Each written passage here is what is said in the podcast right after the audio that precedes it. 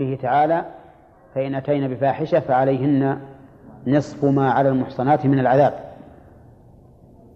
وهذا حد يعني حد القذف.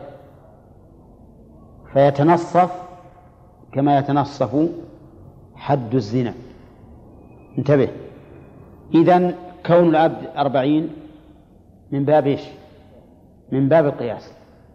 وقال بعض العلماء إنه إذا كان حد إذا كان حرا أو عبدا فإنه يجلد ثمانين جلدة لأن الآية عامة والحق لمن؟ للمقذوف والمقذوف بالزنا سيتدنس عرضه سواء كان القاذف حرا أو عبدا فالأمر فيه ظاهر لأن الحد هناك لمن؟ الحد لله وبشاعة الزنا وشناعته بالنسبة للحر والعبد تختلف فاختلف جزاؤه. أما هنا فالمضرة على من؟ المقذوف. والمقذوف يقول إن عرضي تدنس سواء كان القاذف حرا أو عبدا. فالصحيح أن عندي القول الثاني أنه يجلد ثمانين جلدة سواء كان حرا أو عبدا والدليل عندنا فيه عموم قوله تعالى والذين يرمون المحصنات ثم لم يأتوا بأربعة شهداء فاجلدوهم ثمانين جلدة. ولأنه لا معنى لتنصيف العقوبة على على العبد والحكم يتعلق بمن؟ بغيره بخلاف الزنا.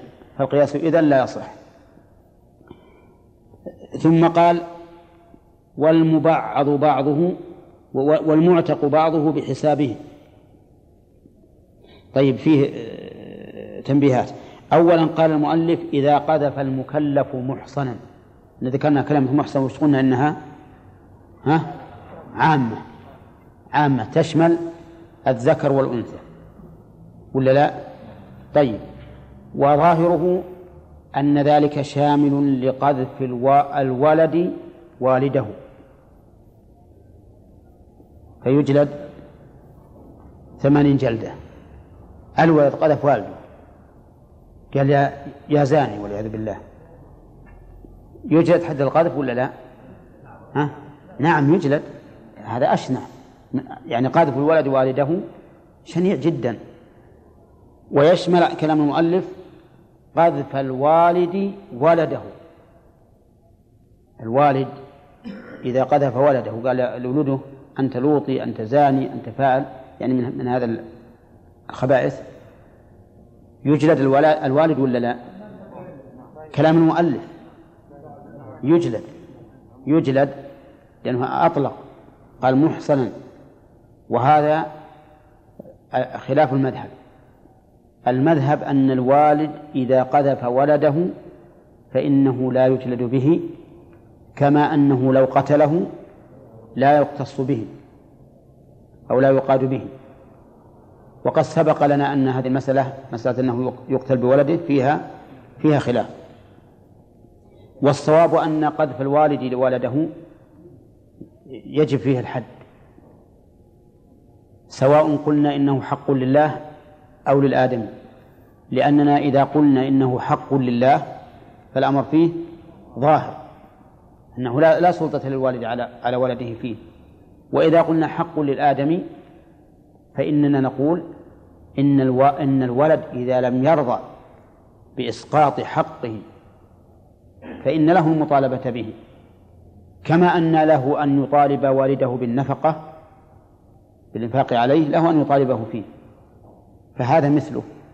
لما أهدر كرامة ولده وأهانه أمام الناس فليقم عليه الحد. والآية عامة. طيب ويدخل فيه من قذف نبيا. ولا لا؟ ها؟ كلامه يشمل هذا. كلامه يشمل هذا. وقد قيل به أن من قذف نبيا فليس عليه إلا الحد. ولكن هذا القول ضعيف. والصحيح أن من قذف نبيا فإنه يكفر ويقتل. يقتل كفرا. فإن تاب فإن تاب فإنه يقتل حدا ولا يقتل كفرا. والفرق بين القتلتين أنه إذا قتلناه كفرا لا نغسله ولا نكفره ولا نصلي عليه ولا ندفنه مع المسلمين. وإذا قتلناه حدا صار الأمر بالعكس. طيب وظاهره أيضا ولو قذف أم نبي. نسأل الله العافية نعم. لو قذف أم نبي مثل أن يقول إن مريم والعياذ بالله إنها بغي. يقتل ولا لا؟ ها؟ يقتل.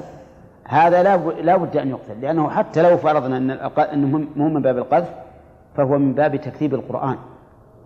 لأن الله قال في مريم والتي أحصنت فرجها فنفخنا فيها من روحنا. لكن الكلام في أم نبي غير مريم. والصحيح أنه يقتل. يقتل كفرا من قذف أم نبي لما في ذلك من الشناعة العظيمة حيث يوهم حيث يوهم أن الأنبياء وحاشاهم من ذلك أولاد بغايا. طيب. وظاهر كلامه أيضا حتى لو قذف زوجة نبي. زوجة نبي. فإنه يحد ثمانين لأنه داخل في عموم محصن. شوف العمومات ولكن هذا أيضا فيه خلاف. إلا في عائشة فإن من رماها بما برأها الله منه فهو كافر لأنه ها؟ مكذب للقرآن لكن لو رماها بغيره أو رمى إحدى زوجات النبي صلى الله عليه وسلم أو أي نبي كان أو أي نبي كان فالصحيح أنه يكفر أيضا ويقتل. قال شيخ الإسلام لأن في هذا من الغضاضة وإذلال النبي شيء لا يتهاون به وهو أعظم من تحريم نكاح زوجاته بعده. إذا كان الله نهانا أن نتزوج زوجات الرسول بعده إيه، إكراما له وحماية لفراشه فكيف والعياذ بالله يدنس بهذا؟ وهل قذف زوجات الأنبياء إلا قذف للأنبياء؟ إلا إلا استهزاء بالأنبياء وسخرية بهم؟ ولهذا في الصحيح أنها أنه لا يدخل في كلام المؤلف. نعم. ها؟ بهذه العمومات يعني. ما هو الظاهر انها غير مرادة للمؤلف. الظاهر إن هذه العمومات غير مرادة نعم. ها؟ نعم. ها؟ إي. لأن ابن حزم رحمه الله يقول المحصنات أي الفروج. فتخلص من هذا. نعم. كيف المحصنات تشمل الرجال والنساء؟ اي يقولون معناها الفروج المحصنات. والرجل له فرج محصن. عن القول الثاني إن المحصنات تشمل الرجال والنساء لأن ما بينهم فرق. لا يقول هي للنساء لكن لا فرق بينهما قياسا. ها؟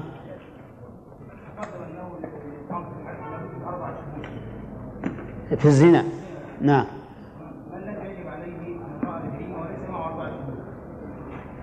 ما يقول مثلا رأيت أمرا منكرا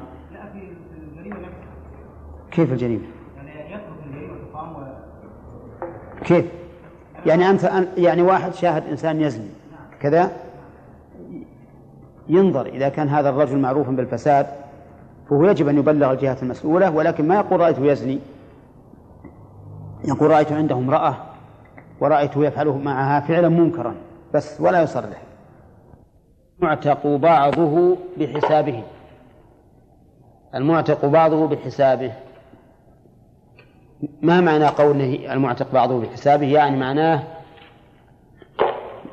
وش بلاكم سنة يعني إذا وجد إنسان بعضه حر وبعضه رقيق فإنه بحسابه. بحسابه منين؟ من الأربعين. يجلد بحسابه من الأربعين. فإذا كان نصفه حرا فإذا كان نصفه حرا جلد لا على القول على رأي المؤلف جلد عشرين. جلد عشرين على رأي المؤلف. آه نعم صح. نعم. جلد آه نعم بحسابه أربعين على أنه رقيق. وعشرين على أنه بعضه رقيق. يعني ستين. صح. نعم. المعتق بعضه بحسابه.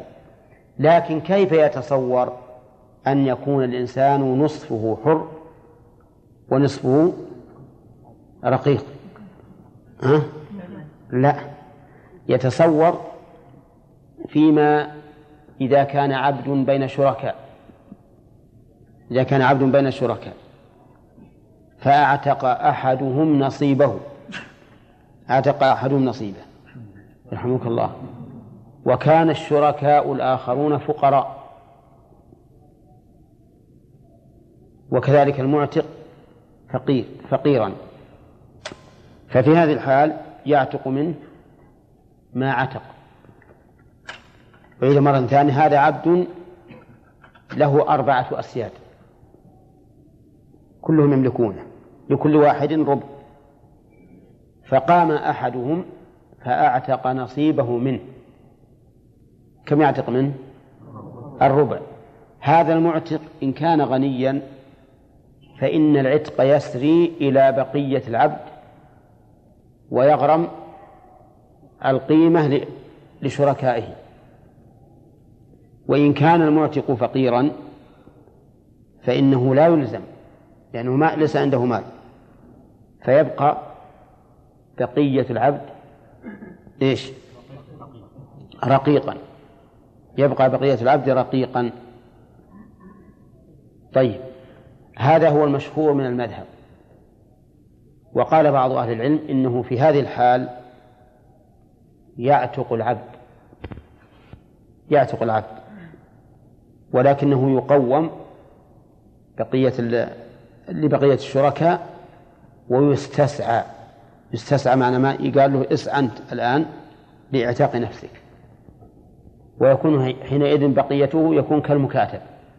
نفس العبد هو اللي يذهب ويطلب يتكسب حتى يؤدي. فإن لم يكن له كسب فإنه يبقى ثلاثة أرباعه رقيقا. واضحة؟ زين. طيب. آه مثال ذلك نعيد نعود المثال على وجه يتضح به. عبد بين أسياد أربعة. أعتق أحد الأربعة نصيبه. فأتق. هل يصل العتق إلى الباقي؟ في تفصيل إن كان المعتق غنيا سار العتق إلى باقيه؟ وألزم المعتق بدفع حصص. قيمة حصص الشركاء. ولنفرض أن قيمة هذا العبد 800 كم يدفع لشركائه؟ ستمائة. ويعتق العبد كله ويكون الولاء للمعتق. فإن كان المعتق فقيرا فإن بقيته لا يعتق. لكن في خلاف بين أهل العلم. هل يستسعى العبد بمعنى أنه, أنه يقوم بقيته؟ إحنا قلنا قيمة 800 فيقال للعبد اكتسب الآن وأعطي أسيادك الثلاثة قيمة حصصهم ستمائة أو يقال لا يستسعى وإنما يبقى ثلاثة أرباعه رقيقا. عرفتم؟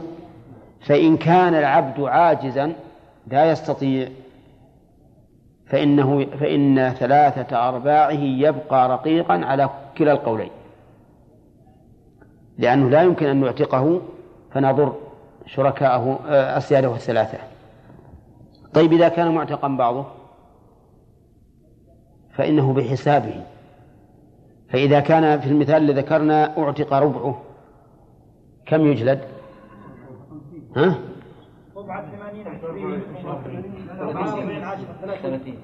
طيب.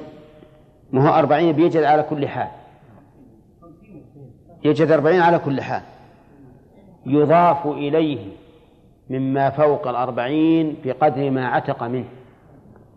فإذا عتق ربعه أضفنا عشرة. الربع. ربع الأربعين عشرة. فيوجد في هذا المثال خمسين جلدة. اي نعم. هذا معنى قوله والمعتق بعضه بحسابه. قال المؤلف وقذف غير المحصن يوجب التعزير. هذا هو القسم الثالث من عقوبة القاذف. إذا قذف غير محصن فإنه يعزر والتعزير بمعنى التأديب. وليس له قدر معين وسيأتي إن شاء الله تعالى الخلاف هل يزاد على عشر جلدات أو لا يزاد وبيان الصحيح من ذلك. لكن آه، نعم. قال المؤلف وهو حق للمقذوف. وهو أي حد القذف. حق للمقذوف. وليس حدا وليس حقا لله.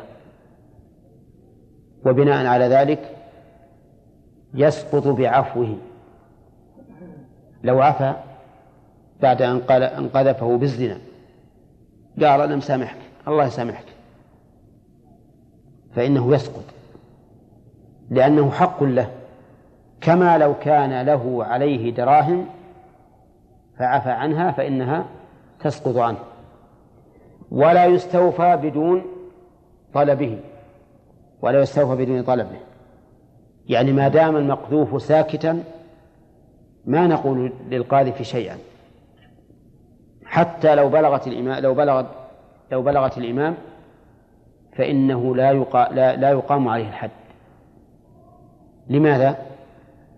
لأنه حق للمقذوف وإذا كان حقا للمقذوف فإننا لا نتعرض له حتى يأتي صاحب الحق فيطالب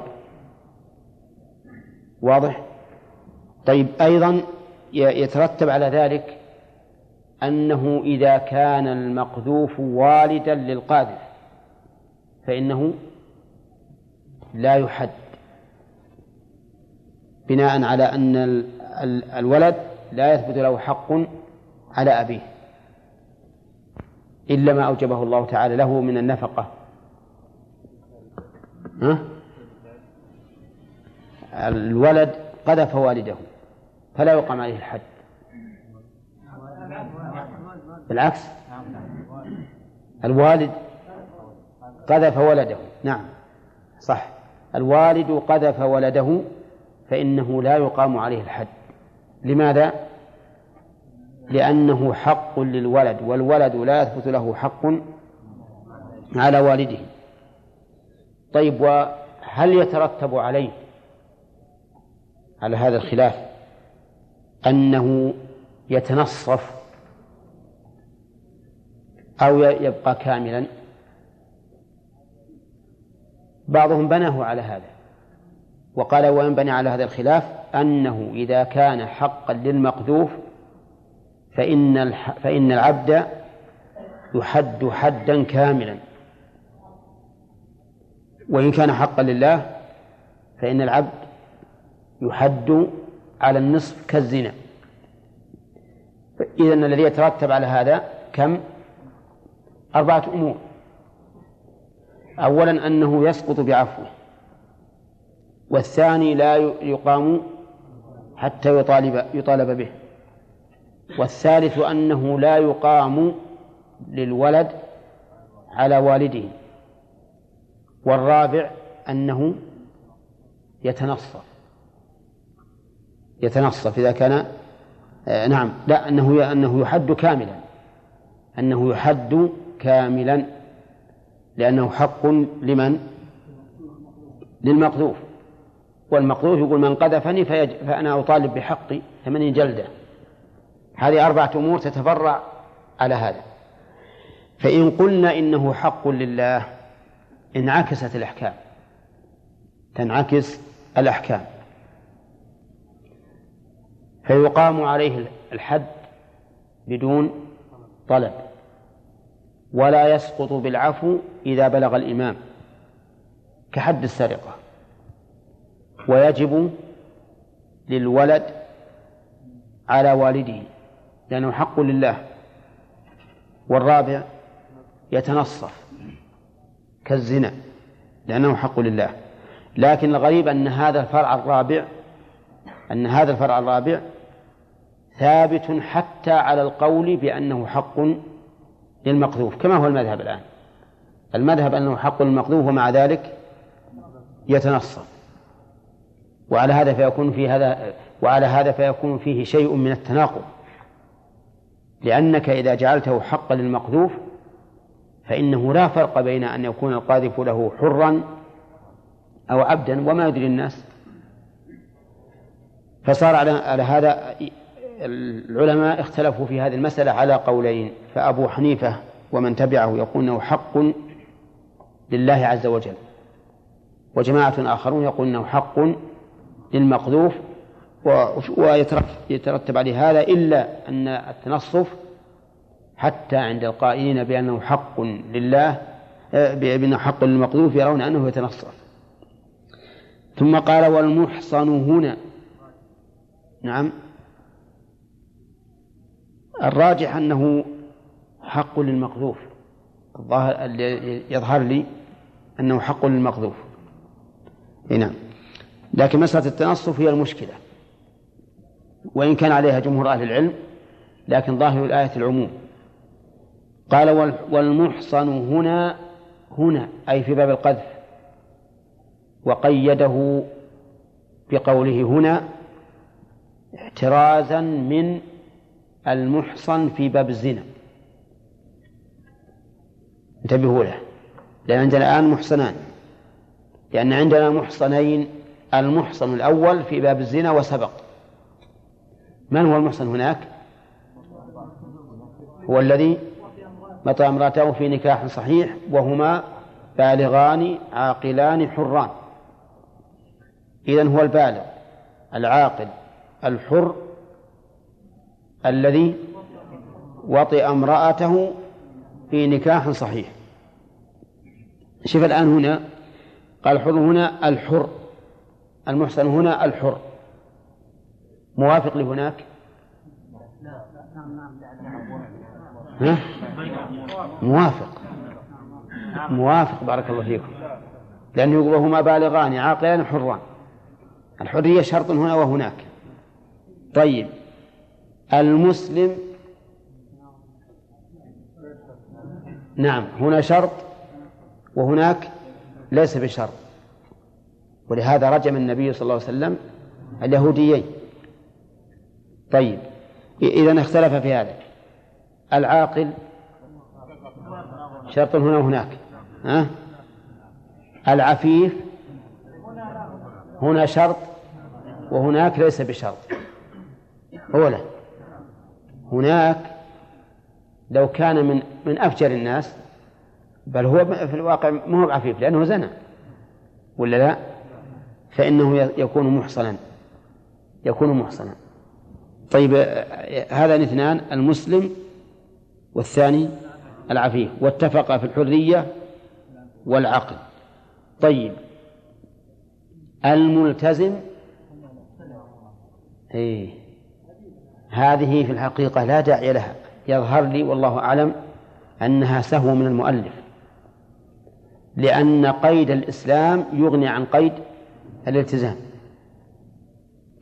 لأن الملتزم أعم من المسلم. الملتزم يدخل فيه المسلم والذمي ولا لا؟ كما سبق. وهنا خرج الذمي بقوله المسلم.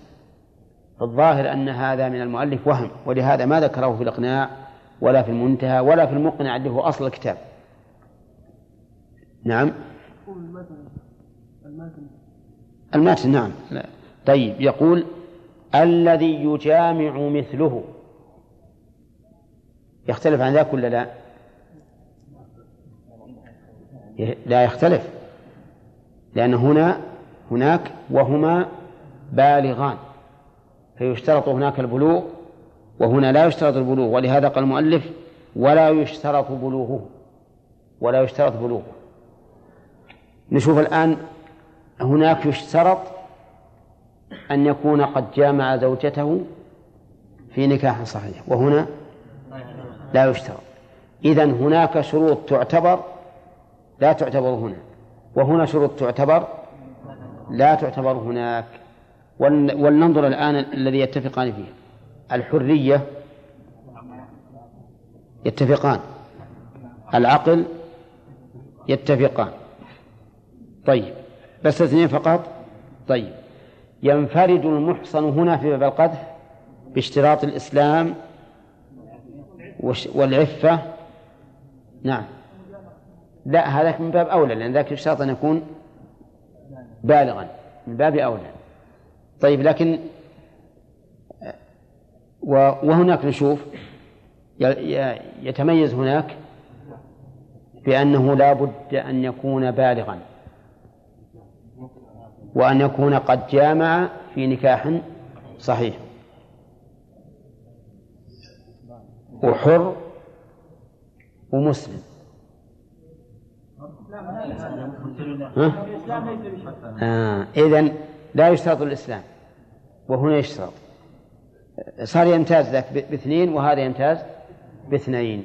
طيب.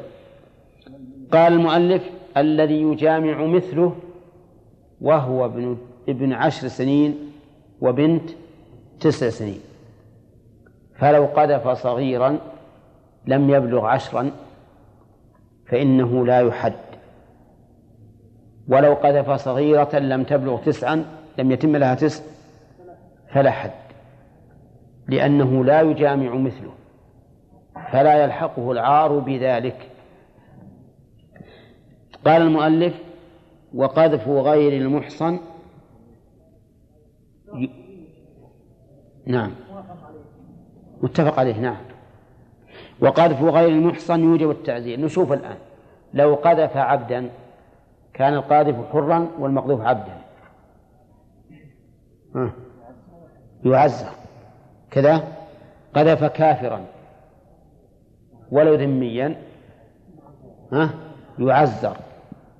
قذف شخصا متهما بالزنا. ها؟ يعزر. لا يقام عليه الحد لأنه ليس بعفيف قذف صغيرا لا يجامع مثله. يعزر لأنه لم يبلغ الشرط. ها؟ طيب آه، دليل اشتراط الحرية. إذا نظر إذا قال قائل الآية عامة والذين يرمون المحصنات. قلنا لكن الحر لا يسمى محصنا في عرف الشر آه، قصد العبد. لأن العبد لا يسمى محصنا في عرف الشر وعلى هذا فيكون خارجا من من القيد. ليس داخلا فلا يحتاج إلى دليل على إخراجه. لكن آه، طيب. المسلم وش الدليل على اشتراط أن يكون مسلما؟ نعم. لأن لأن الك... لأن لقوله تعالى والذين هم المعصاة ثم لم يأتوا بأربعة شهداء. لا من هذه الآية؟ المؤمنات لعنوا في الدنيا والآخرة. ومن لعنهم في الدنيا إقامة الحد إقامة الحد ولأن النبي صلى الله عليه وسلم يقول قذف المحصنات الغافلات المؤمنات. طيب آه اشتراط أن يجامع أن يجامع مثله وش دليله؟ يقول لأن من لا يجامع مثله لا يلحقه العار أبدا ولا يتصور الناس منه غالبا الزنا. ولأن من كان بهذه السن قليلا فإنه لا يدنسه حتى لو ثبت. أنه زنا فإنه لا يدنسه. قال وصريح القذف القذف له صريح وكناية. والطلاق له صريح وكناية. والوقف له صريح وكناية. فما هو الصريح من كل لفظ؟ يقولون إن الصريح من كل لفظ ما لا يحتمل غير معناه الذي وضع له. هذا الصريح. هو الذي لا يحتمل غير معناه الذي وضع له الطلاق. صريح. وقفت البيت. صريح. فكل لفظ لا يحتمل غير معناه الذي وضع له أو يحتمله مع تبادر غيره. فهو صريح. فأما إذا كان يحتمل المعنى هذا وهذا فإنه كناية.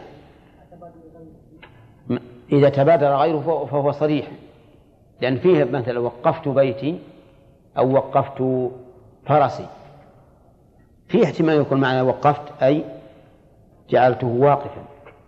ومع ذلك يسمونه صريحا. طيب.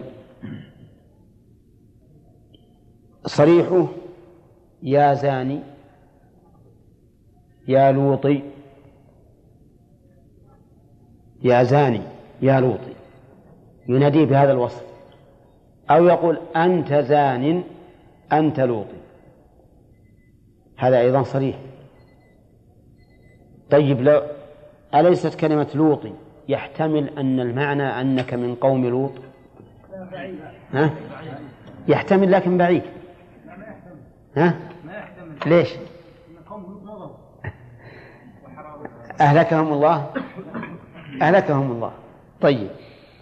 وقوله ونحوه مثل يا من جامعت جماعا محرما يا من تطأ النساء بدون عقد وما أشبه ذلك مما يدل على الزنا صريحا. أما كنايته فيقول يا قحبة يعني قال يا قحبة هذه لا هو عندهم كناية. ليش؟ يقول لأن القحبة تطلق على المرأة العجوز وتطلق على الكحة السعال. يقول يقال, يقال لك فيك قحبة. يعني؟ يعني كحة. ومنه سميت الزانية قحبة. ليش؟ قالوا لأن الزاني تكحكح. تكحكح تشير إلى إلى نفسها والعياذ بالله. فهذا سبب تسميتها قحبة. نعم. فإذا قحبة صريح ولا كناية؟ شوف الآن هي عند الم... عند الفقهاء كناية لكن عندنا الآن بعرفنا صريحة جدا. ها؟ من أصح ما يكون. طيب. يقول يا قحبة يا يا فاجرة. ها؟ أو يقول للرجل يا فاجر أو أنت فاجر أو ما أشبه ذلك. ها؟ ما تقولون؟ كناية. السبب لأن لأن الفجر والفجور أصله الانبعاث ومنه الفجر ومنه تفجر الماء انبعث. فالفجور يطلق حتى على الكفر. كلا إن كتاب الفجار في سجين ويقال فجار وأبرار. يا يا خبيثة. كناية أيضا. لأن الخبث قد يراد به الردي. أو خبيث الأفعال فضحت زوجك. هذا كناية؟ أي نعم. كناية؟ لأن كيف فضحت زوجك؟ أليس أن يقال إن المتبادل من فضحت زوجك يعني أبديت أسراره عند الناس ولا لا؟ أنا عندي إن هذا هو المتبادل عند الناس. إلا إذا أراد فضحتيه يعني معناه كنت بغيا ودنست عرضة. طيب يقول فرحت زوجك ونكست رأسه. كيف نكست رأسه؟ نعم لأن الزوج والعياذ بالله إذا زنت امرأته يخجل. يخجل ويبدأ يغضي عن الناس ولا يحب الناس يشوفونه وينظرون إليه. هو خليته ينكس رأسه. وش الاحتمال لغير الزنا؟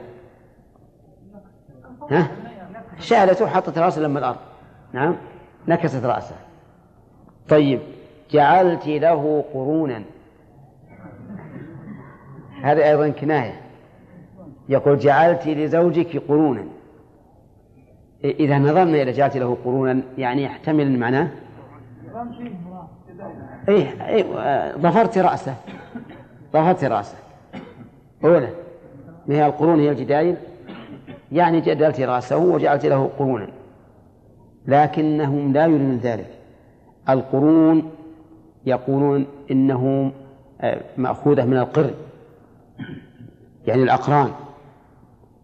القرن المشارك للإنسان يسمى قرنا. أو قرونا أي شعبا. شعبا كأن والعياذ بالله اشترك فيها غير الزوج. طيب. قال المؤلف ونحوه. نعم. لا وصلنا الحق المقدور وسمح بحقه نعم. وصلت الحال وصلت هل عدم قبول الشهادة؟ الفسق وعدم قبول الشهادة ما يسقط إلا بتوبة. نعم. بدل ما نقول شيخ نقول 40 ونزيد 10 الربع لماذا نقول فات 4 40 30 وربع 80 20 30 زائد ربع الأربعين ربع 80 أي نعم. أي أي زين. كله واحد. لكن هذه هذه أقرب. نقول تزيد ما بين الحدين بمقدار بنسبة حريته. نعم. طيب. إذا كان في بلاد يا شيخ الأطفال فيها حدود. نعم. كيف إذا كان في بلاد لا- إن تمكن من إقامة الحد بنفسه ف- فعل. وإذا كان يترتب عليه مضرة فليترك. نعم. قتل الكافر. إي نعم. نعم. قولا واحدا ولا والله ما أدري ما ما رجعت هل, هل في خلاف ولا لا. لكن قد يقال إن الذمي يحتفظ بحقه أما غير الذمي واضح إنه ما له حق. لكن ظاهر إنه إن غير غير الكافر ما يسوى بالكافر. نعم. من نعم. فإذا ما اخذنا الحديث على من قتل العبد ما صنعه هذا العبد ثم فيه ضرر على سيده إذا أراد أن يبيعك بعد قذفه نعم. فلم ينقص ثمنه. صحيح. سينقص الثمن. يعني ما بس ما رأينا أحد إن قال به أحد ما يحتاج النظر في هذا. اجماع يعني والله ما رأيت فيه خلاف. لكن إن قلنا حق لله. نعم. لا يجوز نعم. وإن كان عبدا.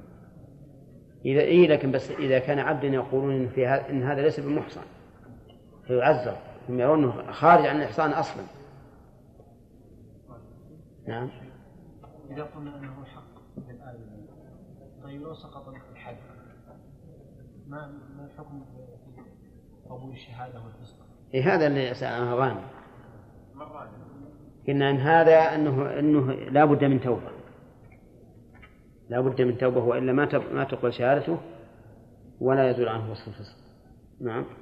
إذا تاب تقبل يا شيخ. ها؟ إذا تاب تقبل. تقبل توبته وتقبل شهادته ويزول عنه وصف الفسق. نعم. ها؟ القذف بالتعريض فيه خلاف. والصحيح أن فيه الحد لأن القذف بالتعريض أشد. مثل يقول أنا أنا أنا الحمد لله ما نبت عن النساء ما نب يعني ما ما, ما, زنيت وأنا ما ما تلوطت والعياذ بالله وما أشبه ذلك. نعم. أو تقول قرينة. هو الغالب الغالب أنه ما يأتي التعريض إلا بالقرينة. ومسابة ومشاتمة. لما يجي لما بس يجي على طول يقول أنا ما أنا ما زنيت ما, ما يكون. هذا نعم. لا ما قلنا إن هذا وهم لأن اشتراط الإسلام يغني عن الالتزام. أنت إذا قلت الملتزم وش يدخل به؟ يخرج بقوله الم- المسلم. إلا تناقض ولهذا قلنا إن إعب- إن بات المؤلف انها ت- سهو منه. ما يستقيم الكلام نعم. أن؟ نعم. نعم. يقول لأنه هو الذي هو الذي يتأثر بذلك. والله سبحانه وتعالى أوجبه علينا حماية لعرض هذا الرجل. فإذا أسقطه فهو حقه. نعم. لا، لا، لا. لا ولهذا في باب اللعان يمكن أن يسقط الرجل حد القذف عليه بالملاعنة. نعم. هذا مما يدل على ذلك. مما يدل على أنه حق للمقذوف. نعم يا عبد العزيز يعني هنا الفتوى يعني أنت زاني أو يعني لا زاني؟ لو واحد استعمل يعني وقال هو زاني أو هو فاجر أو عن فلان مثلا. اي ك- نفس الشيء. اي نعم.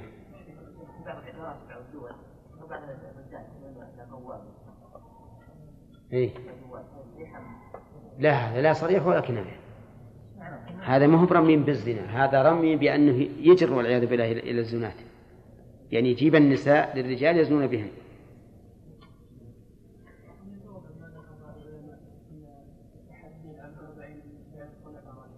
نعم.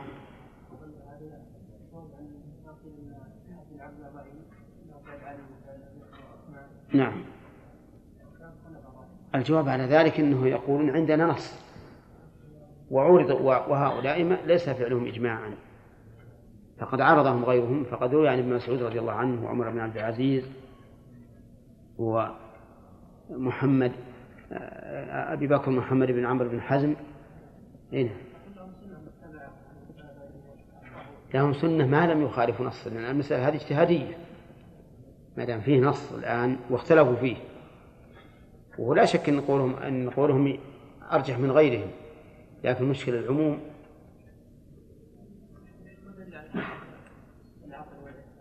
نعم. العفة لأن لأن غير العفيف ليس بمحسن.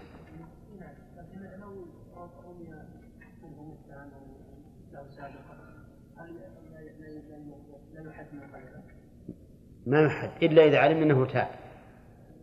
إذا علمنا أنه تاب فهو يحد ما ما لم ما لم يقذفه بالزنا السابق. من قذفه بالزنا السابق فإنه يعذر. المحصن غير العفيف ما يسمى محصن أصلا. هذا هو الإحصان. ولهذا قال الله آه، الغافلات. الغافلات اللي مهم بريئات مما رمينا به وبعيدات عن هذا الشيء. وأما العاقل فظاهر من شر لأن المجنون قد يقع منه هذا الشيء ولا يرى الناس ذلك عيبا لأنه مجنون.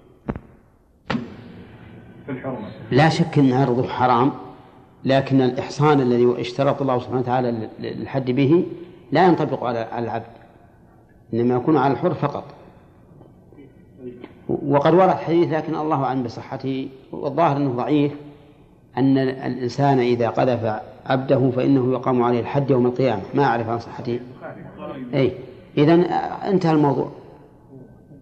يعني معناه أنه لا لا يحد في الدنيا. لا فرق. ما دمنا قلنا في العرض فإنه لا فرق. يعني كان حرا أو عبدا يجلد 80 جلدة بعموم الآية؟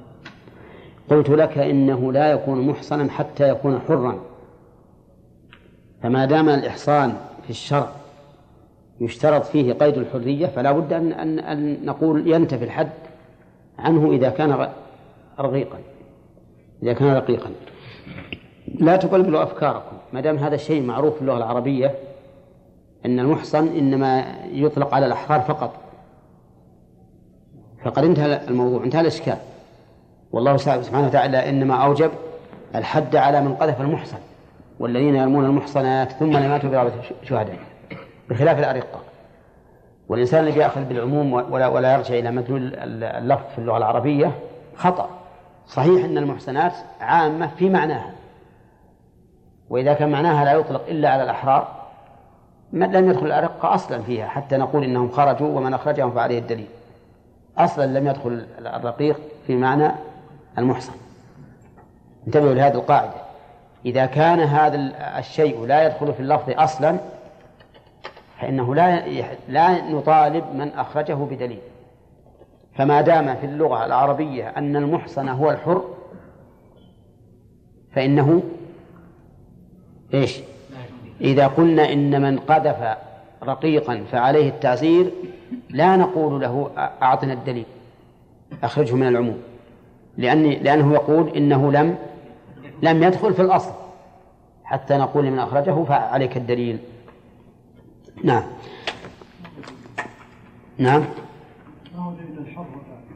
هذا معناه في اللغة العربية. والمحصنات من المؤمنات والمحصنات من الذين أوتوا الكتاب. ومن لم يستطع منكم طولا أن ينكح المحصنات المؤمنات. ما المراد بالمحصنات؟ الحرائر. فإذا المحصن عند الإطلاق هو الحر. أي نعم. كيف أيضا كيف نقول أصلا ما دخل. أصل الرقيق ما دخل في البخاري ويكون هذا الحديث فردا من أفراد ال- من أفراد الأرقة الذين لا يوجد لا يوجد الإنسان بهم. والرجل إذا قذف مملوكه يقام عليه الحد يوم القيامة. وإذا قذف مملوك غيره فإنه يعزر لأنه يسقط بذلك قيمته ورغبته في أعين الناس فيعزر لتفويت هذا المعنى على سيده. إذا أيها الإخوة انتبهوا على أن الإنسان إذا قذف غير إذا قذف غير الحر فلا حد عليه وإنما عليه التعزير فقط. لماذا؟ لأنه ليس داخلا في المحصن أصلا. ولا نطالب بالدليل لعدم دخوله وإنما يطالب بالدليل من أخرج شيئا ثبت دخوله في العموم. وأما ما لم يثبت دخوله في العموم فإنه من الأصل لم يدخل فلا يحتاج إلى دليل في إخراجه. نعم. مستويين كيف عبد نعم فليس عليه إلا التعزير فقط. إذا الكلام إذا كان المقذوف عبدا فإنه لا حد في قذفه لأنه ليس بمحصن. أما إذا كان القاذف عبدا فقد سبق أن أه- أهل العلم اختلفوا فيه وأن جمهور أهل العلم على أنه لا يحد أربعين لا يحد ثمانين وإنما يحد أربعين. وأن بعض أهل العلم قال إنه يحد ثمانين لعموم الآية. قال المؤلف رحمه الله تعالى وإن فسره بغير القذف قبل. إن فسره الضمير يعود الك- الكناية. بغير القذف قبل. وظاهر كلام المؤلف أنه يقبل بدون يمين. لأنه لو نكل لم يقضى عليه بالنكول فإذا قال أنا ما أردت الزنا وإنما أردت بالقحبة العجوز أو كثيرة الك- الكحة أو قال أردت بالخبيثة أي خبيثة العمل أو الرديئة أو ما أشبه ذلك. أو أردت بفضحة زوجك أي أبحت سره أو بحت بسر بسره. أو جعلت له قرون كس رأسه يعني نكسا حس- حسيا فج- فجعلتيه إلى أسفل. أو جعلت له قرونا أي جعلت له قرونا من الشعر أو نحو ذلك. من الأقران. ففي هذه الحال يقبل. وإذا قبل فإنه لا يقام عليه حد القذف ولكن يعزر لإساءته إلى المخاطب. فهذه إساءة بلا شك واعتداء ولكنه ليس قذفا صريحا ولا كناية منوية فيعزر ثم قال المؤلف وإن قذف أهل بلد أو جماعة لا يتصور منهم الزنا عادة عزر. رجل وقف على باب القرية وقال كلكم يا أهل هذا البلد زنات. نعم. يحد. ها؟ نشوف. هل إن هذا عار عليه أو عار عليهم. الغالب عار عليه هو لأن الناس لا يتصور أن يتهموا أهل القرية بما رماهم به فهو لم يدنس أعراضهم ولا يهتمون بذلك بل إنه لو فعل هذا لعدوه مجنونا وقالوا أمسكوه إلى مرستان وكذلك لو قذف جماعة لا يتصور الزنا منهم عادة وهنا قيدها المؤلف. قال لا يتصور الزنا منهم عادة. مثل لو قذف له مئة رجل. قال أنتم أيها الجمع كلكم زنات. هذا لا لا يلحقهم العار. فلا يعز فلا يحد للقذف ولكن يعزر. أما إذا كان يتصور منهم الزنا أو اللواط عادة فإنه يحد حد القذف. لأن الغضاضة تلحق بهم. طيب ما رأيكم لو كان أهل البلد قليلين؟ أهل البلد ثلاثة رجال وزوجاتهم فقط لأنهم رحلوا عنهم وقذفهم. يحد لماذا؟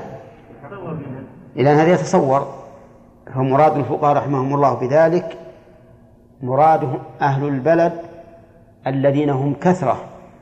لا يلحقهم العار بقذفهم.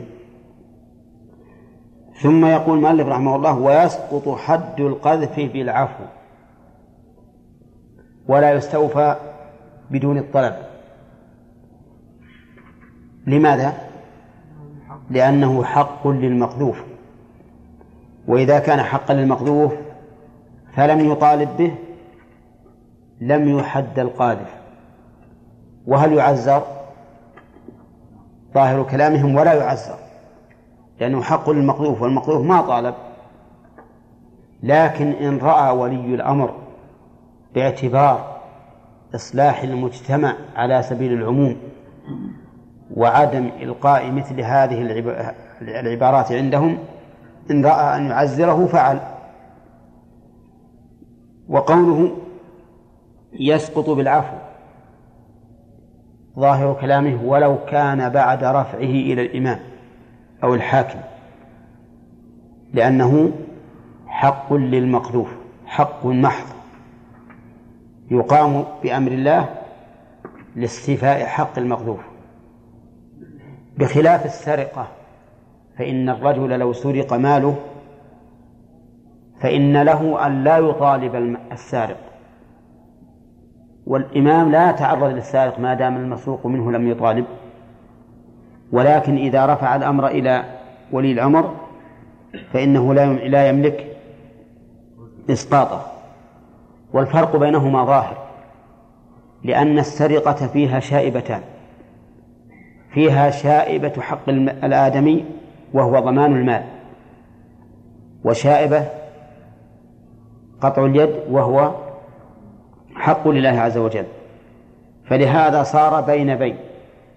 إن رفع إلى القاضي لم يملك المسروق منه إسقاطه. وإن لم يرفع فله أن لا يطالب. قال ولا يستوفى بدون الطلب ثم قال المؤلف باب حد المسكر. حد هل المراد تعريف المسكر ولا عقوبة المسكر؟ العقوبة. وعلم من كلام المؤلف أن عقوبة السكران حد حد لا يتجاوز ولا ينقص لأن جميع الحدود التي رتبها الشارع على الجرائم لا تزاد ولا تنقص. وهذه المسألة اختلف فيها أهل العلم. فمنهم من يرى أن عقوبة شارب المسكر من باب التعزير الذي لا ينقص عن أربعين جلدة لأن هذا أقل ما روي فيه ولكن للحاكم أن يزيد عليه إذا رأى المصلحة في ذلك. وهؤلاء استدلوا بأن الله سبحانه وتعالى لم يذكر حده في القرآن والنبي صلى الله عليه وسلم لم يذكر حده في السنة. بل قال إذا شرب فاجلدوه ثم إن شرب فاجلدوه ثم إن شرب فاجلدوه ولم يبين. ولأن هذان دليلان. والثالث أن الصحابة رضي الله عنهم كانوا إذا أتي بالشارب قاموا إليه يضربونه بالجريد والنعال وطرف الرداء والأيدي وما أشبه ذلك ولو كان هذا حدا لا يتجاوز لوجب ضبطه وألا يكون كل كل ما جاء ضرب ثالث رابعا أن الصحابة رضي الله عنهم لما لما تشاوروا في عهد عمر حين كثر الناس أو حين أكثر الناس من شربه قال عبد الرحمن بن عوف أخف الحدود ثمانين. فوافق على ذلك الصحابة. ووجه الدلالة من هذا الحديث أنه قال أخف الحدود ثمانين ونحن نعلم أن الرسول صلى الله عليه وسلم ضرب الشارب في عهده نحو أربعين وفي عهد أبي بكر أربعين. ولو كان حدا لكان أخف الحدود ها أربعين. أيضا قالوا أخف الحدود ثمانون أو ثمانين وهذا يدل على أنه يجوز أن نتجاوز ما ما كان الشارب يجلد إياه في عهد النبي صلى الله عليه وسلم. ولو كان حدا ها ما جازت مجاوزته. ولا ولا استشار عمر الصحابة في الزيادة مع أنه كان رضي الله عنه معروفا بالوقوف عند حدود الله سبحانه وتعالى. واستدلوا أيضا بدليل خامس وهو ما صح الحديث به عن عبد الله بن عمر بن عمرو بن العاص إذا شرب فاجلدوه وذكر ذلك ثلاثا ثم قال فإن شرب الرابعة فاقتلوه.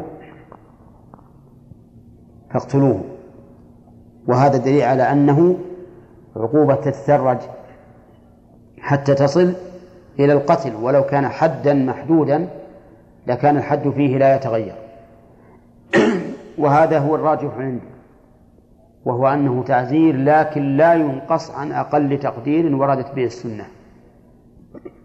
وأما الزيادة فلا فلا حرج في الزيادة إذا رأى الحاكم المصلحة بذلك. وقول المؤلف المسكر اسم فاعل من أسكر. وما معنى أسكر؟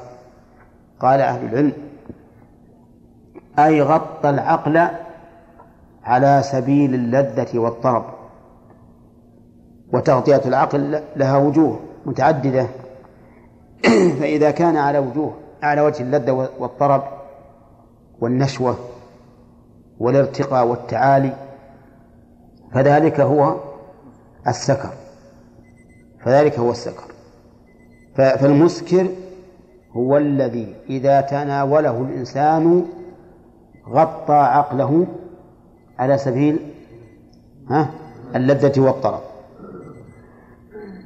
وهو حرام. المسكر حرام كما قال المؤلف رحمه الله كل شراب أسكر كثيره فقليله حرام. كل هذه قاعدة. مأخوذة من الحديث. قال النبي عليه الصلاة والسلام ما أسكر كثيره فقليله حرام.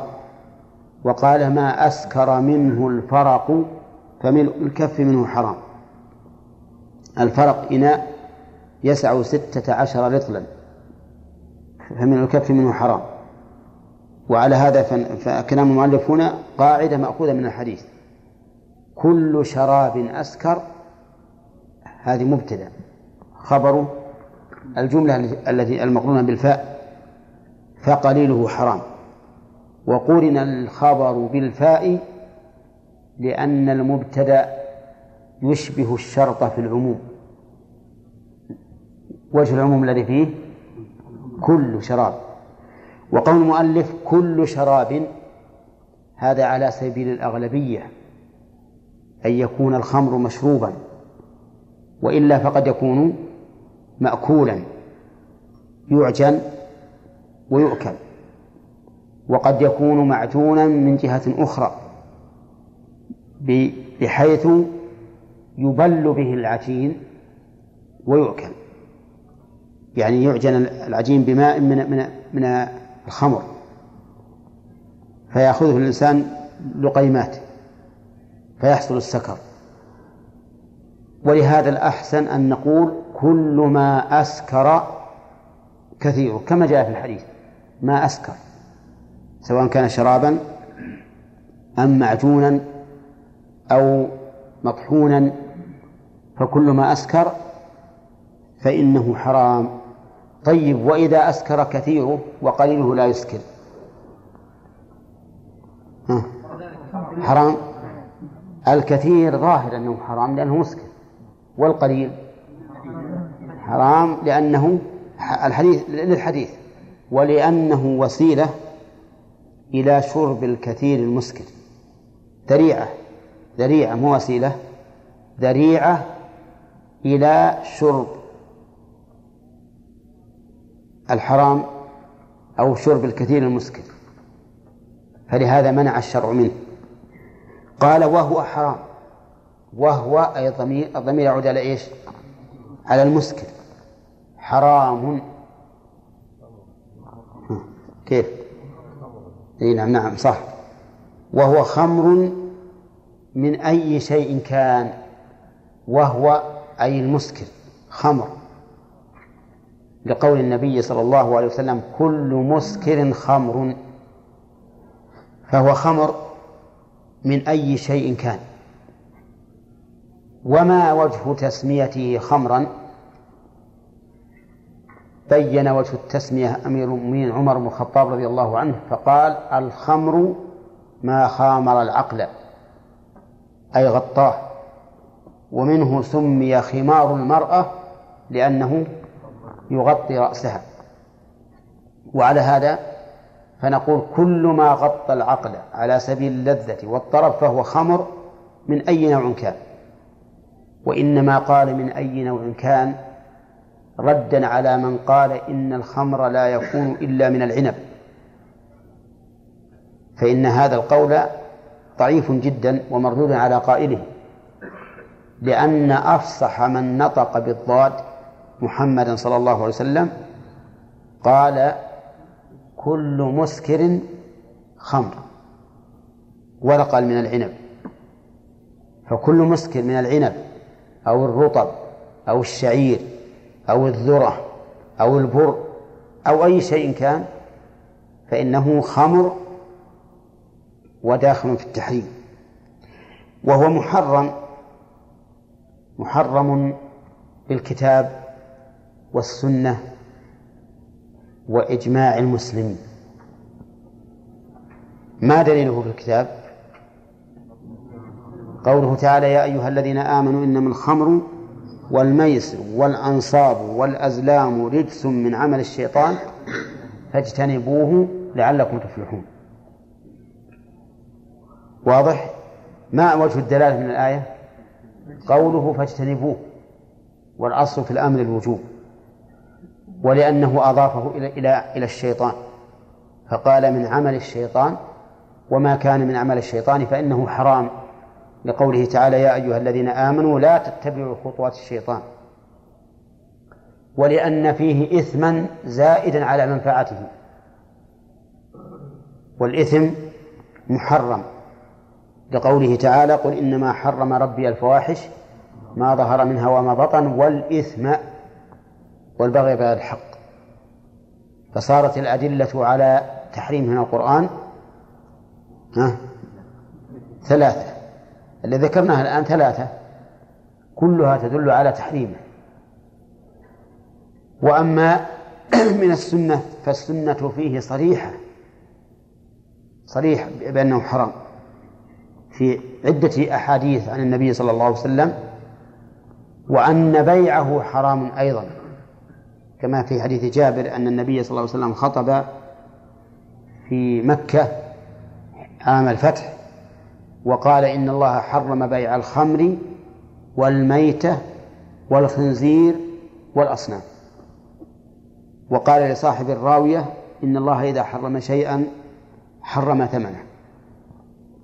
فما هي الحكمة من تحريمه؟ الحكمة من تحريمه كثيرة. منها قوله تعالى رجس من عمل الشيطان. وكل ذي فطرة سليمة فإنه لا يقبل الرجس من عمل الشيطان. ومنها أنه يوقع العداوة والبغضاء بين الناس. لقوله إنما يريد الشيطان أن يوقع بينكم العداوة والبغضاء في الخمر والميسر. ومنها أنه يصد عن ذكر الله وعن الصلاة. لأن السكران والعياذ بالله إذا سكر غفل. وبقي مدة لا يذكر الله ولا يصلي إذا جاء وقت الصلاة لأنه منهي عنها. يا أيها الذين آمنوا لا تقربوا الصلاة وأنتم سكارى حتى تعلموا ما تقولون. ومنها أنه جماع الإثم أي جامع للإثم كله ومفتاح كل شر. وهذا أيضا ظاهر لأن الإنسان إذا سكر والعياذ بالله فقد وعيه. فقد يقتل نفسه وقد يقتل ابنه وقد يقتل أمه وقد يزني ببنته والعياذ بالله. وكم من قضايا نسمع عنها أن الرجل إذا سكر قرع بابه وطلب من زوجته أن تمكنه من ابنته. وهذا شيء واقع واقع. يدخل والعياذ بالله سكران ويقول أين البنت؟ وش تبي به؟ قال يبي يفعل به والعياذ بالله حتى تفر به بها وتغلق عليها الحجرة لئلا يدخل عليها وقد نشر في إحدى الصحف في البلاد التي ظهر فيها أخيرا غضب الله ونقمته أن شابا دخل على أمه في الساعة الواحدة بعد منتصف الليل. وقال لها إنه يريد أن يفعل بها. فنهته ووبخته فقال لا فذهب وأتى بالسكين. وقال إن لم تمكنيني فأنا أقتل نفسي. فأدركها أدركها حنان الأم ورحمتها فمكنته من نفسها والعياذ بالله. فزنى بأمه. فلما كان في الصباح كأنه أحس بأنه فعل هذه الجريمة العظيمة. فدخل الحمام ومعه صفيحة من الغاز أو البنزين فصبها على نفسه ثم أحرق بنفسه والعياذ بالله ونشرت الصحيفة صورة هذا الرجل وصورة أمه ماذا فعل, ماذا فعل هذا الرجل؟ زنى بأمه والعياذ بالله وقتل نفسه. ومن تأمل ما حصل من الشرور والمفاسد في شرب الخمر عرف بذلك حكمة الله عز وجل ورحمته بعباده حيث حرم ذلك عليه. نعم. إذن الحكمة تقتضي تحريمه ولا لا؟ تقتضي تحريمه. والإنسان العاقل يبعد عنه بعقله دون أن يعرف شرع الله فيه. يقول ولا يباح شربه للذة. معلوم. لو قال الإنسان يبي يشرب الخمر لأجل يتلذذ به. أنا يقول عن نفسه أنا تعبان. أرهقتني الهموم والغموم. يبي يشرب هذا الكأس من الخمر حتى يرتاح ويتلذذ ويرى نفسه أنه ليس أمامه هم ولا غم ولا دنيا ولا أهل ولا ولد وإنما هو ملك من من ملوك الدنيا. يتصور هذا. هل يجوز أن يشربه لهذا الغرض؟ كيف لا؟ يقول ارحموني يا جماعة أنا تعبان أنا مال من حياتي ولا يطيب لي الزمان حتى أشرب كأسا من معي. نعم؟ نعم. نقول لا لا نرحمك بمنعك لأنك إذا فعلت هذا فإنه يحصل لك النشوة والطرب والنسيان والذهول والنسيان في لحظات ولكن يعقبها هم وغم أكثر من الأول مثل المسكن للوجع. إذا تناولته سكن الوجع لكن إذا ذهب مفعوله عاد أكثر عاد أكثر. طيب ولا يباح لتداوي. معلوم لا يباح للتداوي. لأننا نعلم علم اليقين أنه لا دواء فيه. وإنما هو كما قال النبي عليه الصلاة والسلام إنها داء وليست بدواء. ولو كانت دواء ما حرمها الله على عباده. فإن الله لا يحرم على عباده ما كان نافعا لهم بغذاء ولا دواء. إذن فلا يباح شربه للتداوي. طيب. ولا لعطش.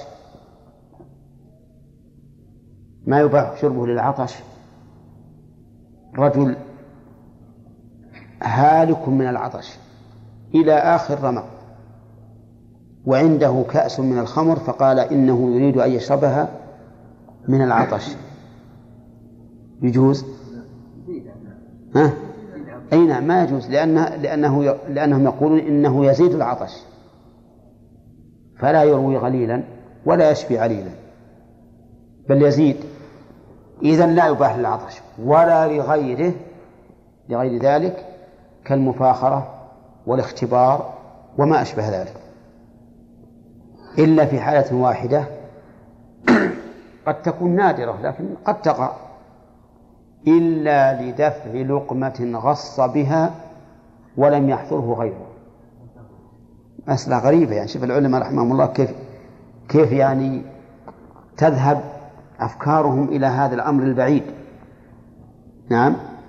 مثل ما يذهب بعض الشعراء إلى أمر بعيد وخيال بعيد كقول الشاعر بليت بلا الأطلال إن لم أقف بها وقوف شحيح ضاع في الترب خاتمه وش تقولون في التمثيل هذا؟ ها؟ طيب يقول يقول الرجل بليت بلا الأطلال أطلال محبة هو يحب امرأة وأطلالها ما, ما, ما تخلف من من من بيوتها ودارها. إن لم أقف بها أي بهذه الأطلال. وقوف شحيح الشحيح البخيل بالمال الممسك له الحريص عليه. ضاع في الترب خاتمه. خاتم الشحيح غال عليه ولا لا؟ غال جدا. وضاع بتراب. يبقى يبحث في تراب أبد الآبدين. نعم؟ كيف؟ ينخر وينخر مرة ثانية وثالثة. يقول لعله لعل, لعل نجده. فنقول هذه المسألة أو الصورة التي ذكرها الفقهاء رحمهم الله مما يدل يدل على أنهم يتعمقون في تصوير المسائل حتى النادرة. في بلاد الإسلام من يتصور أن رجلا يأكل ويكبر اللقمة؟ ثم بعد ذلك يغص. ثم بعد ذلك ما يوجد عنده إلا كاس خمر في بلاد الإسلام. هذا شيء بعيد لكن قد يكون قد يكون. في هذه الحال إذا غص وعجز لا تطلع اللقمة ولا تنزل. وعنده كاس خمر. يشربه ولا لا؟ لكن يشرب ما تندفع به اللقمة فقط بقدر الضرورة. فإذا اندفعت أمسك. لماذا جاز جازت هذه الصورة مع أن الخمر حرام؟ لأن اندفاع الضرورة بالمحرم هنا ها حاصل. الضرورة هنا تندفع بما إذا شرب الخمر هنا لدفع اللقمة. قطعا تندفع. لكن الضرورة في العطش تندفع بشرب الخمر؟ لا. في التداوي؟ لا. طيب ما رأيكم في بعض الأدوية والعقاقير الآن يوجد فيها نسبة من الكحول؟ تعطى المرضى في بعض الأحيان عند الضرورة. ما رأيكم في هذا؟ نقول رأينا في هذا أن هذه لا تسكر. ولكنها ولكنها يحصل فيها شيء من التخدير وتخفيف الآلام على المريض. أما أن يسكر سكر شارب الخمر فلا فهي تشبه البنج الذي يحصل به تعطيل الإحساس بدون أن يشعر المريض باللذة والطرب ومعلوم أن الحكم المعلق بعلة إذا تخلفت العلة تخلف الحكم. فما دام الحكم معلقا بالإسكار وهنا لا إسكار فلا تحريم. والله أعلم. نعم. كم نعطيكم من نعم. يا شيخ طيب قال الرسول صلى الله عليه وسلم اللهم صل وسلم عليه. أسكر كثيرا الحرام نعم. هذا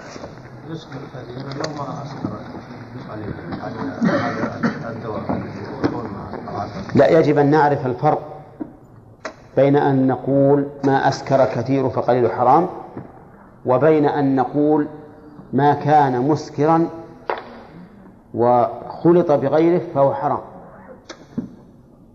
لأن ما أسكر كثير معناه أن هذا الشراب بعينه إن أكثرت منه سكرت وإن أقللت لم تسكر. فيكون القليل حراما لأنه ذريعة. وأما خلط الخمر بغيره على وجه لا يظهر فيه أثره فإن هذا لا لا لا, لا يؤثر. لا يؤثر. فهو كما لو وقعت نجاسة بماء فلم تغيره أصبر فلم تغيره ففي هذه الحال في هذه الحال لا لا يكون الماء نجسا. قلنا إذا عجنه إذا عجن الخمر إذا عجن عجينا بخمر فإنه يكون حراما وهذا بشرط أن يسكر. ومعلوم أنك إذا أعجنت العجين بماء كامل بخمر فإنه سوف يؤثر عليه بلا شك. أما إذا لم يؤثر مثل فيه خلط يسير جدا يتضاءل ويذهب أثره فلا عبرة به. ذكرنا إنه حد القلب يعني إنه حبل المقدور نعم. ذكرنا ما يتفرع عليه يعني من الخلاف. لكن ما ذكرنا وجه ترجيحه يعني من النص. والله ال- اللي يظهر لي أنه جامع بين الحقين. فهو حق لله من جهة تنفيذه وحق للآدم من جهة المطالبة به. فإذا لم يطالب به ما نقول تعال تعال يعني طالب حتى نقيم عليك الحد. حتى إن شيخ الإسلام رحمه الله ذكر إجماع العلماء على أنه لا يستوفى بدون الطلب لكنه ذكر ذلك وغيره قال إن الطلب وعدم الطلب مبني على أنه هل هو حق للآدمي أو حق لله فإن قلنا لله فإنه يستوفى بدون الطلب. الذي يستدل بحق الآدم يعني يقول لأن هذا اعتداء عليه. فكما أنك لو أنك لو ضربت هذا الرجل ولم يطالب بحقه أو أخذت ماله ولم يطالب بحقه فكذلك إذا أهنت عرضه ولم يطالب بحقه فهو له. نعم. الحشيشة يقول شيخ الإسلام إنها أخبث من الخمر. إيه وهو كذلك. فإن الحشيشة تسكر وهي شر منه لأنها تؤثر على المخ أكثر مما يؤثر الخمر. ومثل ذلك أيضا فيما يظهر فيه فيه حبوب أظن مخدرة نعم. هذه بعد مضرتها عظيمة وهي أشد من مضرة الخمر. طيب نعم. ها؟ الذي يغص في الأكل ولم يجد خمر. ها؟ إيش؟ الذي يغص في الأكل ولم يجد خمر. هل يجب أن يجوز الشرب؟ ما تقولون؟ يجب. يعني لو ترك ياثم إي نعم. لو تركه فمات لكان آثما. وهكذا أكل الميتة للمضطر من الجوع يجب عليه أن يأكل. لأن الله أباح وإذا كان الآن مباحا فإن دفاعك عن عن نفسك واجب. نعم. المروجين لها يعني خاصة المخدرات. حدهم. تعزير تعزير والذي أرى أنه إذا ثبت أن هذا مروج ولم يندفع الناس عن هذا الأمر ويكفوا إلا بالقتل فليقتل. نعم. يفرقون بين المجلس والمجالس في سبق يعني يقولون إنه لا فرق في اقراره مقرر بالزنا أن يكون في مجلس أو مجالس. نعم. والبينه لابد أن يكونوا في مجلس واحد. نعم. ذكرنا وجه التفريق. كيف؟ ذكرناه. قلنا إن الشهداء إذا جاءوا متفرقين فإنه يمكن التواطؤ بينهم. وأن كل إنسان يجي بشهادته يذهب إلى الآخرين ويقول ترى شهادتي كذا وكذا وكذا. وأما الرجل فغير متهم في نفسه. المقر يعني. إي نعم. تناولت منه كثيرا حصل السكر وإن تناولت قليل لم يحصل فهو حرام خمر.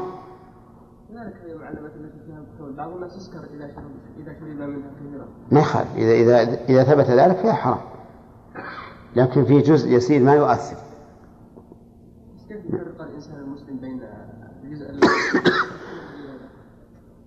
هذا يعرف بكثرة النسبة وقوة المنسوب. لأن الخمر أو بعبارة ناصح الكحول تختلف في قوتها وهذا معروف عندهم. الماثيل والعثيل وما أشبه ذلك ما أعرف أنا بالضبط لكن معروفة عند أهل الخبرة بذلك. ما في هذه الأدوية مثلا في أدوية شيخ. تخدر يعني كالمخدرات مثلا أدوية يعني يصرفونها المستشفيات. إيه؟ فهل نقول مثلا إذا استخدمها بقصد الدواء حسب تعليمات الطبيب نقول له جائز وحلال؟ وإذا استخدمها بس للذة؟ والله والله هم هم يستخدم ما, ما يستخدمونها للذة ما فيها لذة. يستخدموها يستخدمونها للراحة. ونسان الهموم المسكر يجد الإنسان نشوة وطربا وخفة لكن هذه بالعكس هذه يستخدمونها والعياذ بالله لأنها تؤثر على المخ استرخاء فينسى الإنسان ما حصل. ويسرع أيضا والعياذ بالله إليه الجنون. يسرع إليه الجنون بسرعة. وبعضهم ما يتحمل يعني ما يأخذ شهر أو أقل له صار في علاج المجانين. أي؟ ما يحل. حرام. حتى لو كان المسلمين مضطرين بهذا المصدر أبد ما الله أكبر. عصير مباح ويرزقهم الله. لا لا ما يجوز أبدا. نعم. أنت ذكرت أنه المروج يقتل إذا إذا إذا إذا لم يندفع إلا بالقتل. إذا كان الناس مهم منتهين إلا بالقتل. يعني مثلا ضربنا عليهم حبسا لمدة طويلة ولكن ما نفع. ضربنا عليهم غرامة مالية ما نفع. والقتل لو لو قتل رجل واحد لكان أردع للناس مما لو حبس عشرة لمدة عشرين سنة.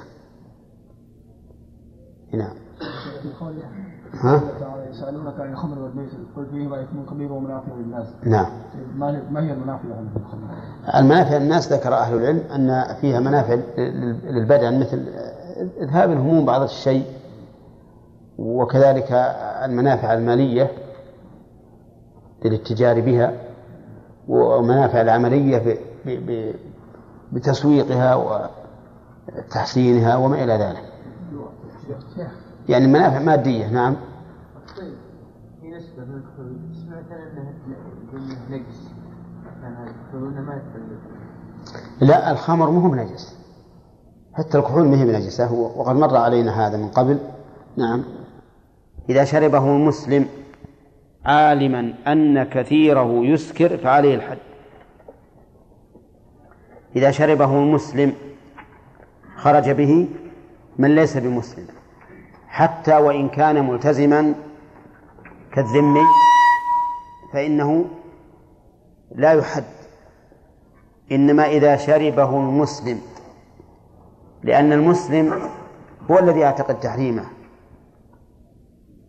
أما غير المسلم فإنهم لا يعتقدون تحريمه ولهذا لا يقام عليهم الحد إذا شربوا الخمر لكنهم يمنعون من إظهاره في بلاد المسلمين. الشرط الثاني مختارا فإن كان مكرها فإنه لا حد عليه. لقوله تعالى في الكفر وهو أعظم الذنوب من كفر بالله من بعد إيمانه إلا من أكره وقلبه مطمئن بالإيمان ولكن من شرح بالكفر صدرا فعليهم غضب ولهم عذاب عظيم. ولكن المكره على فعل المعصية تارة يفعلها لدفع الإكراه وتارة يفعلها لذاتها. فهل الآية عامة والأحكام عامة أو خاصة بمن فعله لدفع الإكراه؟ اختلف في هذا أهل العلم. فمنهم من قال إنه إذا وجد الإكراه فإن الإنسان وإن اختار الفعل لا يعاقب عليه. ومنهم من قال يشترط لعدم العقوبة أن ينوي دفع الإكراه. لا لا ذات الفعل. فلو أن رجلا أكره على شرب الخمر قيل إما أن تشرب هذه الكأسة الكأس وإما أن نقتلك. قال ما دمتم أكرهتموني؟ هاته. فشربها اختيارا لا لدفع الإكراه. فهل يحد نعم. ينبني على القولين. إن قلنا بأنه لا يحد لأن الإنسان قد لا يكون في نفسه تلك اللحظة قد لا يكون في نفسه إرادة إرادة دفع الإكراه. وإنما يقول أكرهت على هذا الفعل فسأفعله. وهذا هو الأقرب. بدليل أنه لولا أنه أكره نعم ما شرب. لولا أنه أكره ما شرب. وأما القول بأنه لا بد أن ينوي دفع الإكراه فإنه يحد. إذا قال أنا أنا شربت تشهيا لا دفع للإكراه فإنه يحد. والصحيح أنه لا يحد. الثالث الشرط الثالث عالما أن كثيره يسكر فهمنا من هذا أنه يشترط أن يعلم أنه خمر وأن يعلم أن كثيره يسكر فإن لم يعلم أنه خمر يعني ظن أنه شراب من سائر المشروبات. ثم لما شربه سكر فليس عليه حد. لماذا؟ لأنه جاهل. جاهل بالتحريم بالحكم ولا بالحال؟ بالحال. ما علم من هذا مسكر. كذلك لو علم أنه مسكر يعني معناه أنه عصير مثلا لكن لم يظن أنه أن كثيره يسكر ما ظن أن كثيره يسكر فإنه لا يحد لأنه يشترط أن يعلم أن كثيره يسكر. طيب فإن علم أن قليله أن قليله يسكر. ها؟ يحد من باب أولى. طيب. ويشترط أن يكون عالما بالتحريم؟ آه نسيتم الشروط العامة؟ يشترط أن يكون عالما بالتحريم. يشترط أن يكون بالغا وعاقلا. طيب. وظاهر قول المؤلف فعليه الحد أنه سواء سكر منه أم لم يسكر. إذا علم أن كثيره يسكر فشرب وإن لم يسكر فعليه الحد لأنه محرم. والنصوص عامة في التحريم وعامة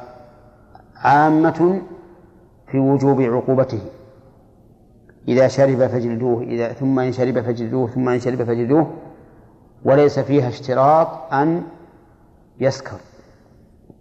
فإذا شربه و و و وكثيره يسكر إذا شربه وكثيره يسكر وإن لم يسكر هو من القليل فعليه الحد.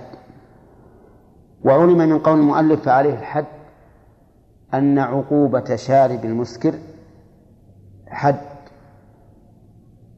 والحد سبق لنا تعريفه أنه عقوبة مقدرة شرعا في معصية. وهذا هو المشهور من مذهب الإمام أحمد رحمه الله. بل المشهور من المذاهب الأربعة. أن عقوبة شارب الخمر حد. ولكن اختلفوا مقداره وسيأتي وقيل إن عقوبة شارب الخمر ليست بحد. وإنما هي تعزير لكن لا يقل عن أربعين. فما هو الدليل على أنها حد أو على أنها ليست بحد؟ دليل من قال إنها حد أن عمر بن الخطاب رضي الله عنه قدرها بثمانين وأن أبا بكر ضرب في عهده أربعين وأبو بكر وعمر لهما سنة متبعة. لقول النبي صلى الله عليه وسلم عليكم بسنتي وسنة الخلفاء الراشدين المهديين من بعدي. وأبو بكر وعمر في قمة الخلفاء الراشدين المهديين من بعد الرسول صلى الله عليه وسلم. وعلى هذا فيكون لهما سنة متبعة واجبة الاتباع بنص الحديث عن الرسول عليه الصلاة والسلام. ولكن هل هي أربعون أو ثمانون أو أربعون وجوبا وما بين الأربعين إلى الثمانين؟ راجع إلى إلى نظر الإمام. إن أكثر الناس منها بلغ الأربعين وإن أقلوا اقتصر على نعم. إن أكثر الناس منها بلغ الثمانين وإن أقلوا لم لم يتجاوز أربعين. في هذا أيضا خلاف. ولكن الصحيح أنها ليست بحد وأنها عقوبة تعزير لكنها واجبة ولا تنقص عن أربعين. وهذا هو ظاهر كلام ابن القيم رحمه الله في إعلام الموقعين أنها ليست بحد وهو ظاهر. ووجهه أن النبي صلى الله عليه وسلم قد وقعت هذه المسألة في عهده ولم يحد فيها حدا. ومعلوم أن سنة الخلفاء الراشدين تابعة لسنة الرسول عليه الصلاة والسلام لا مستقلة. فإذا ورد في السنة ما ظاهره خلافها نعم فإنه يؤخذ بماذا؟ بما جاءت به السنة. والنبي عليه الصلاة والسلام لم يحده. كما ثبت ذلك في صحيح البخاري من حديث علي بن أبي طالب رضي الله عنه. وكما أجمع الصحابة عليه.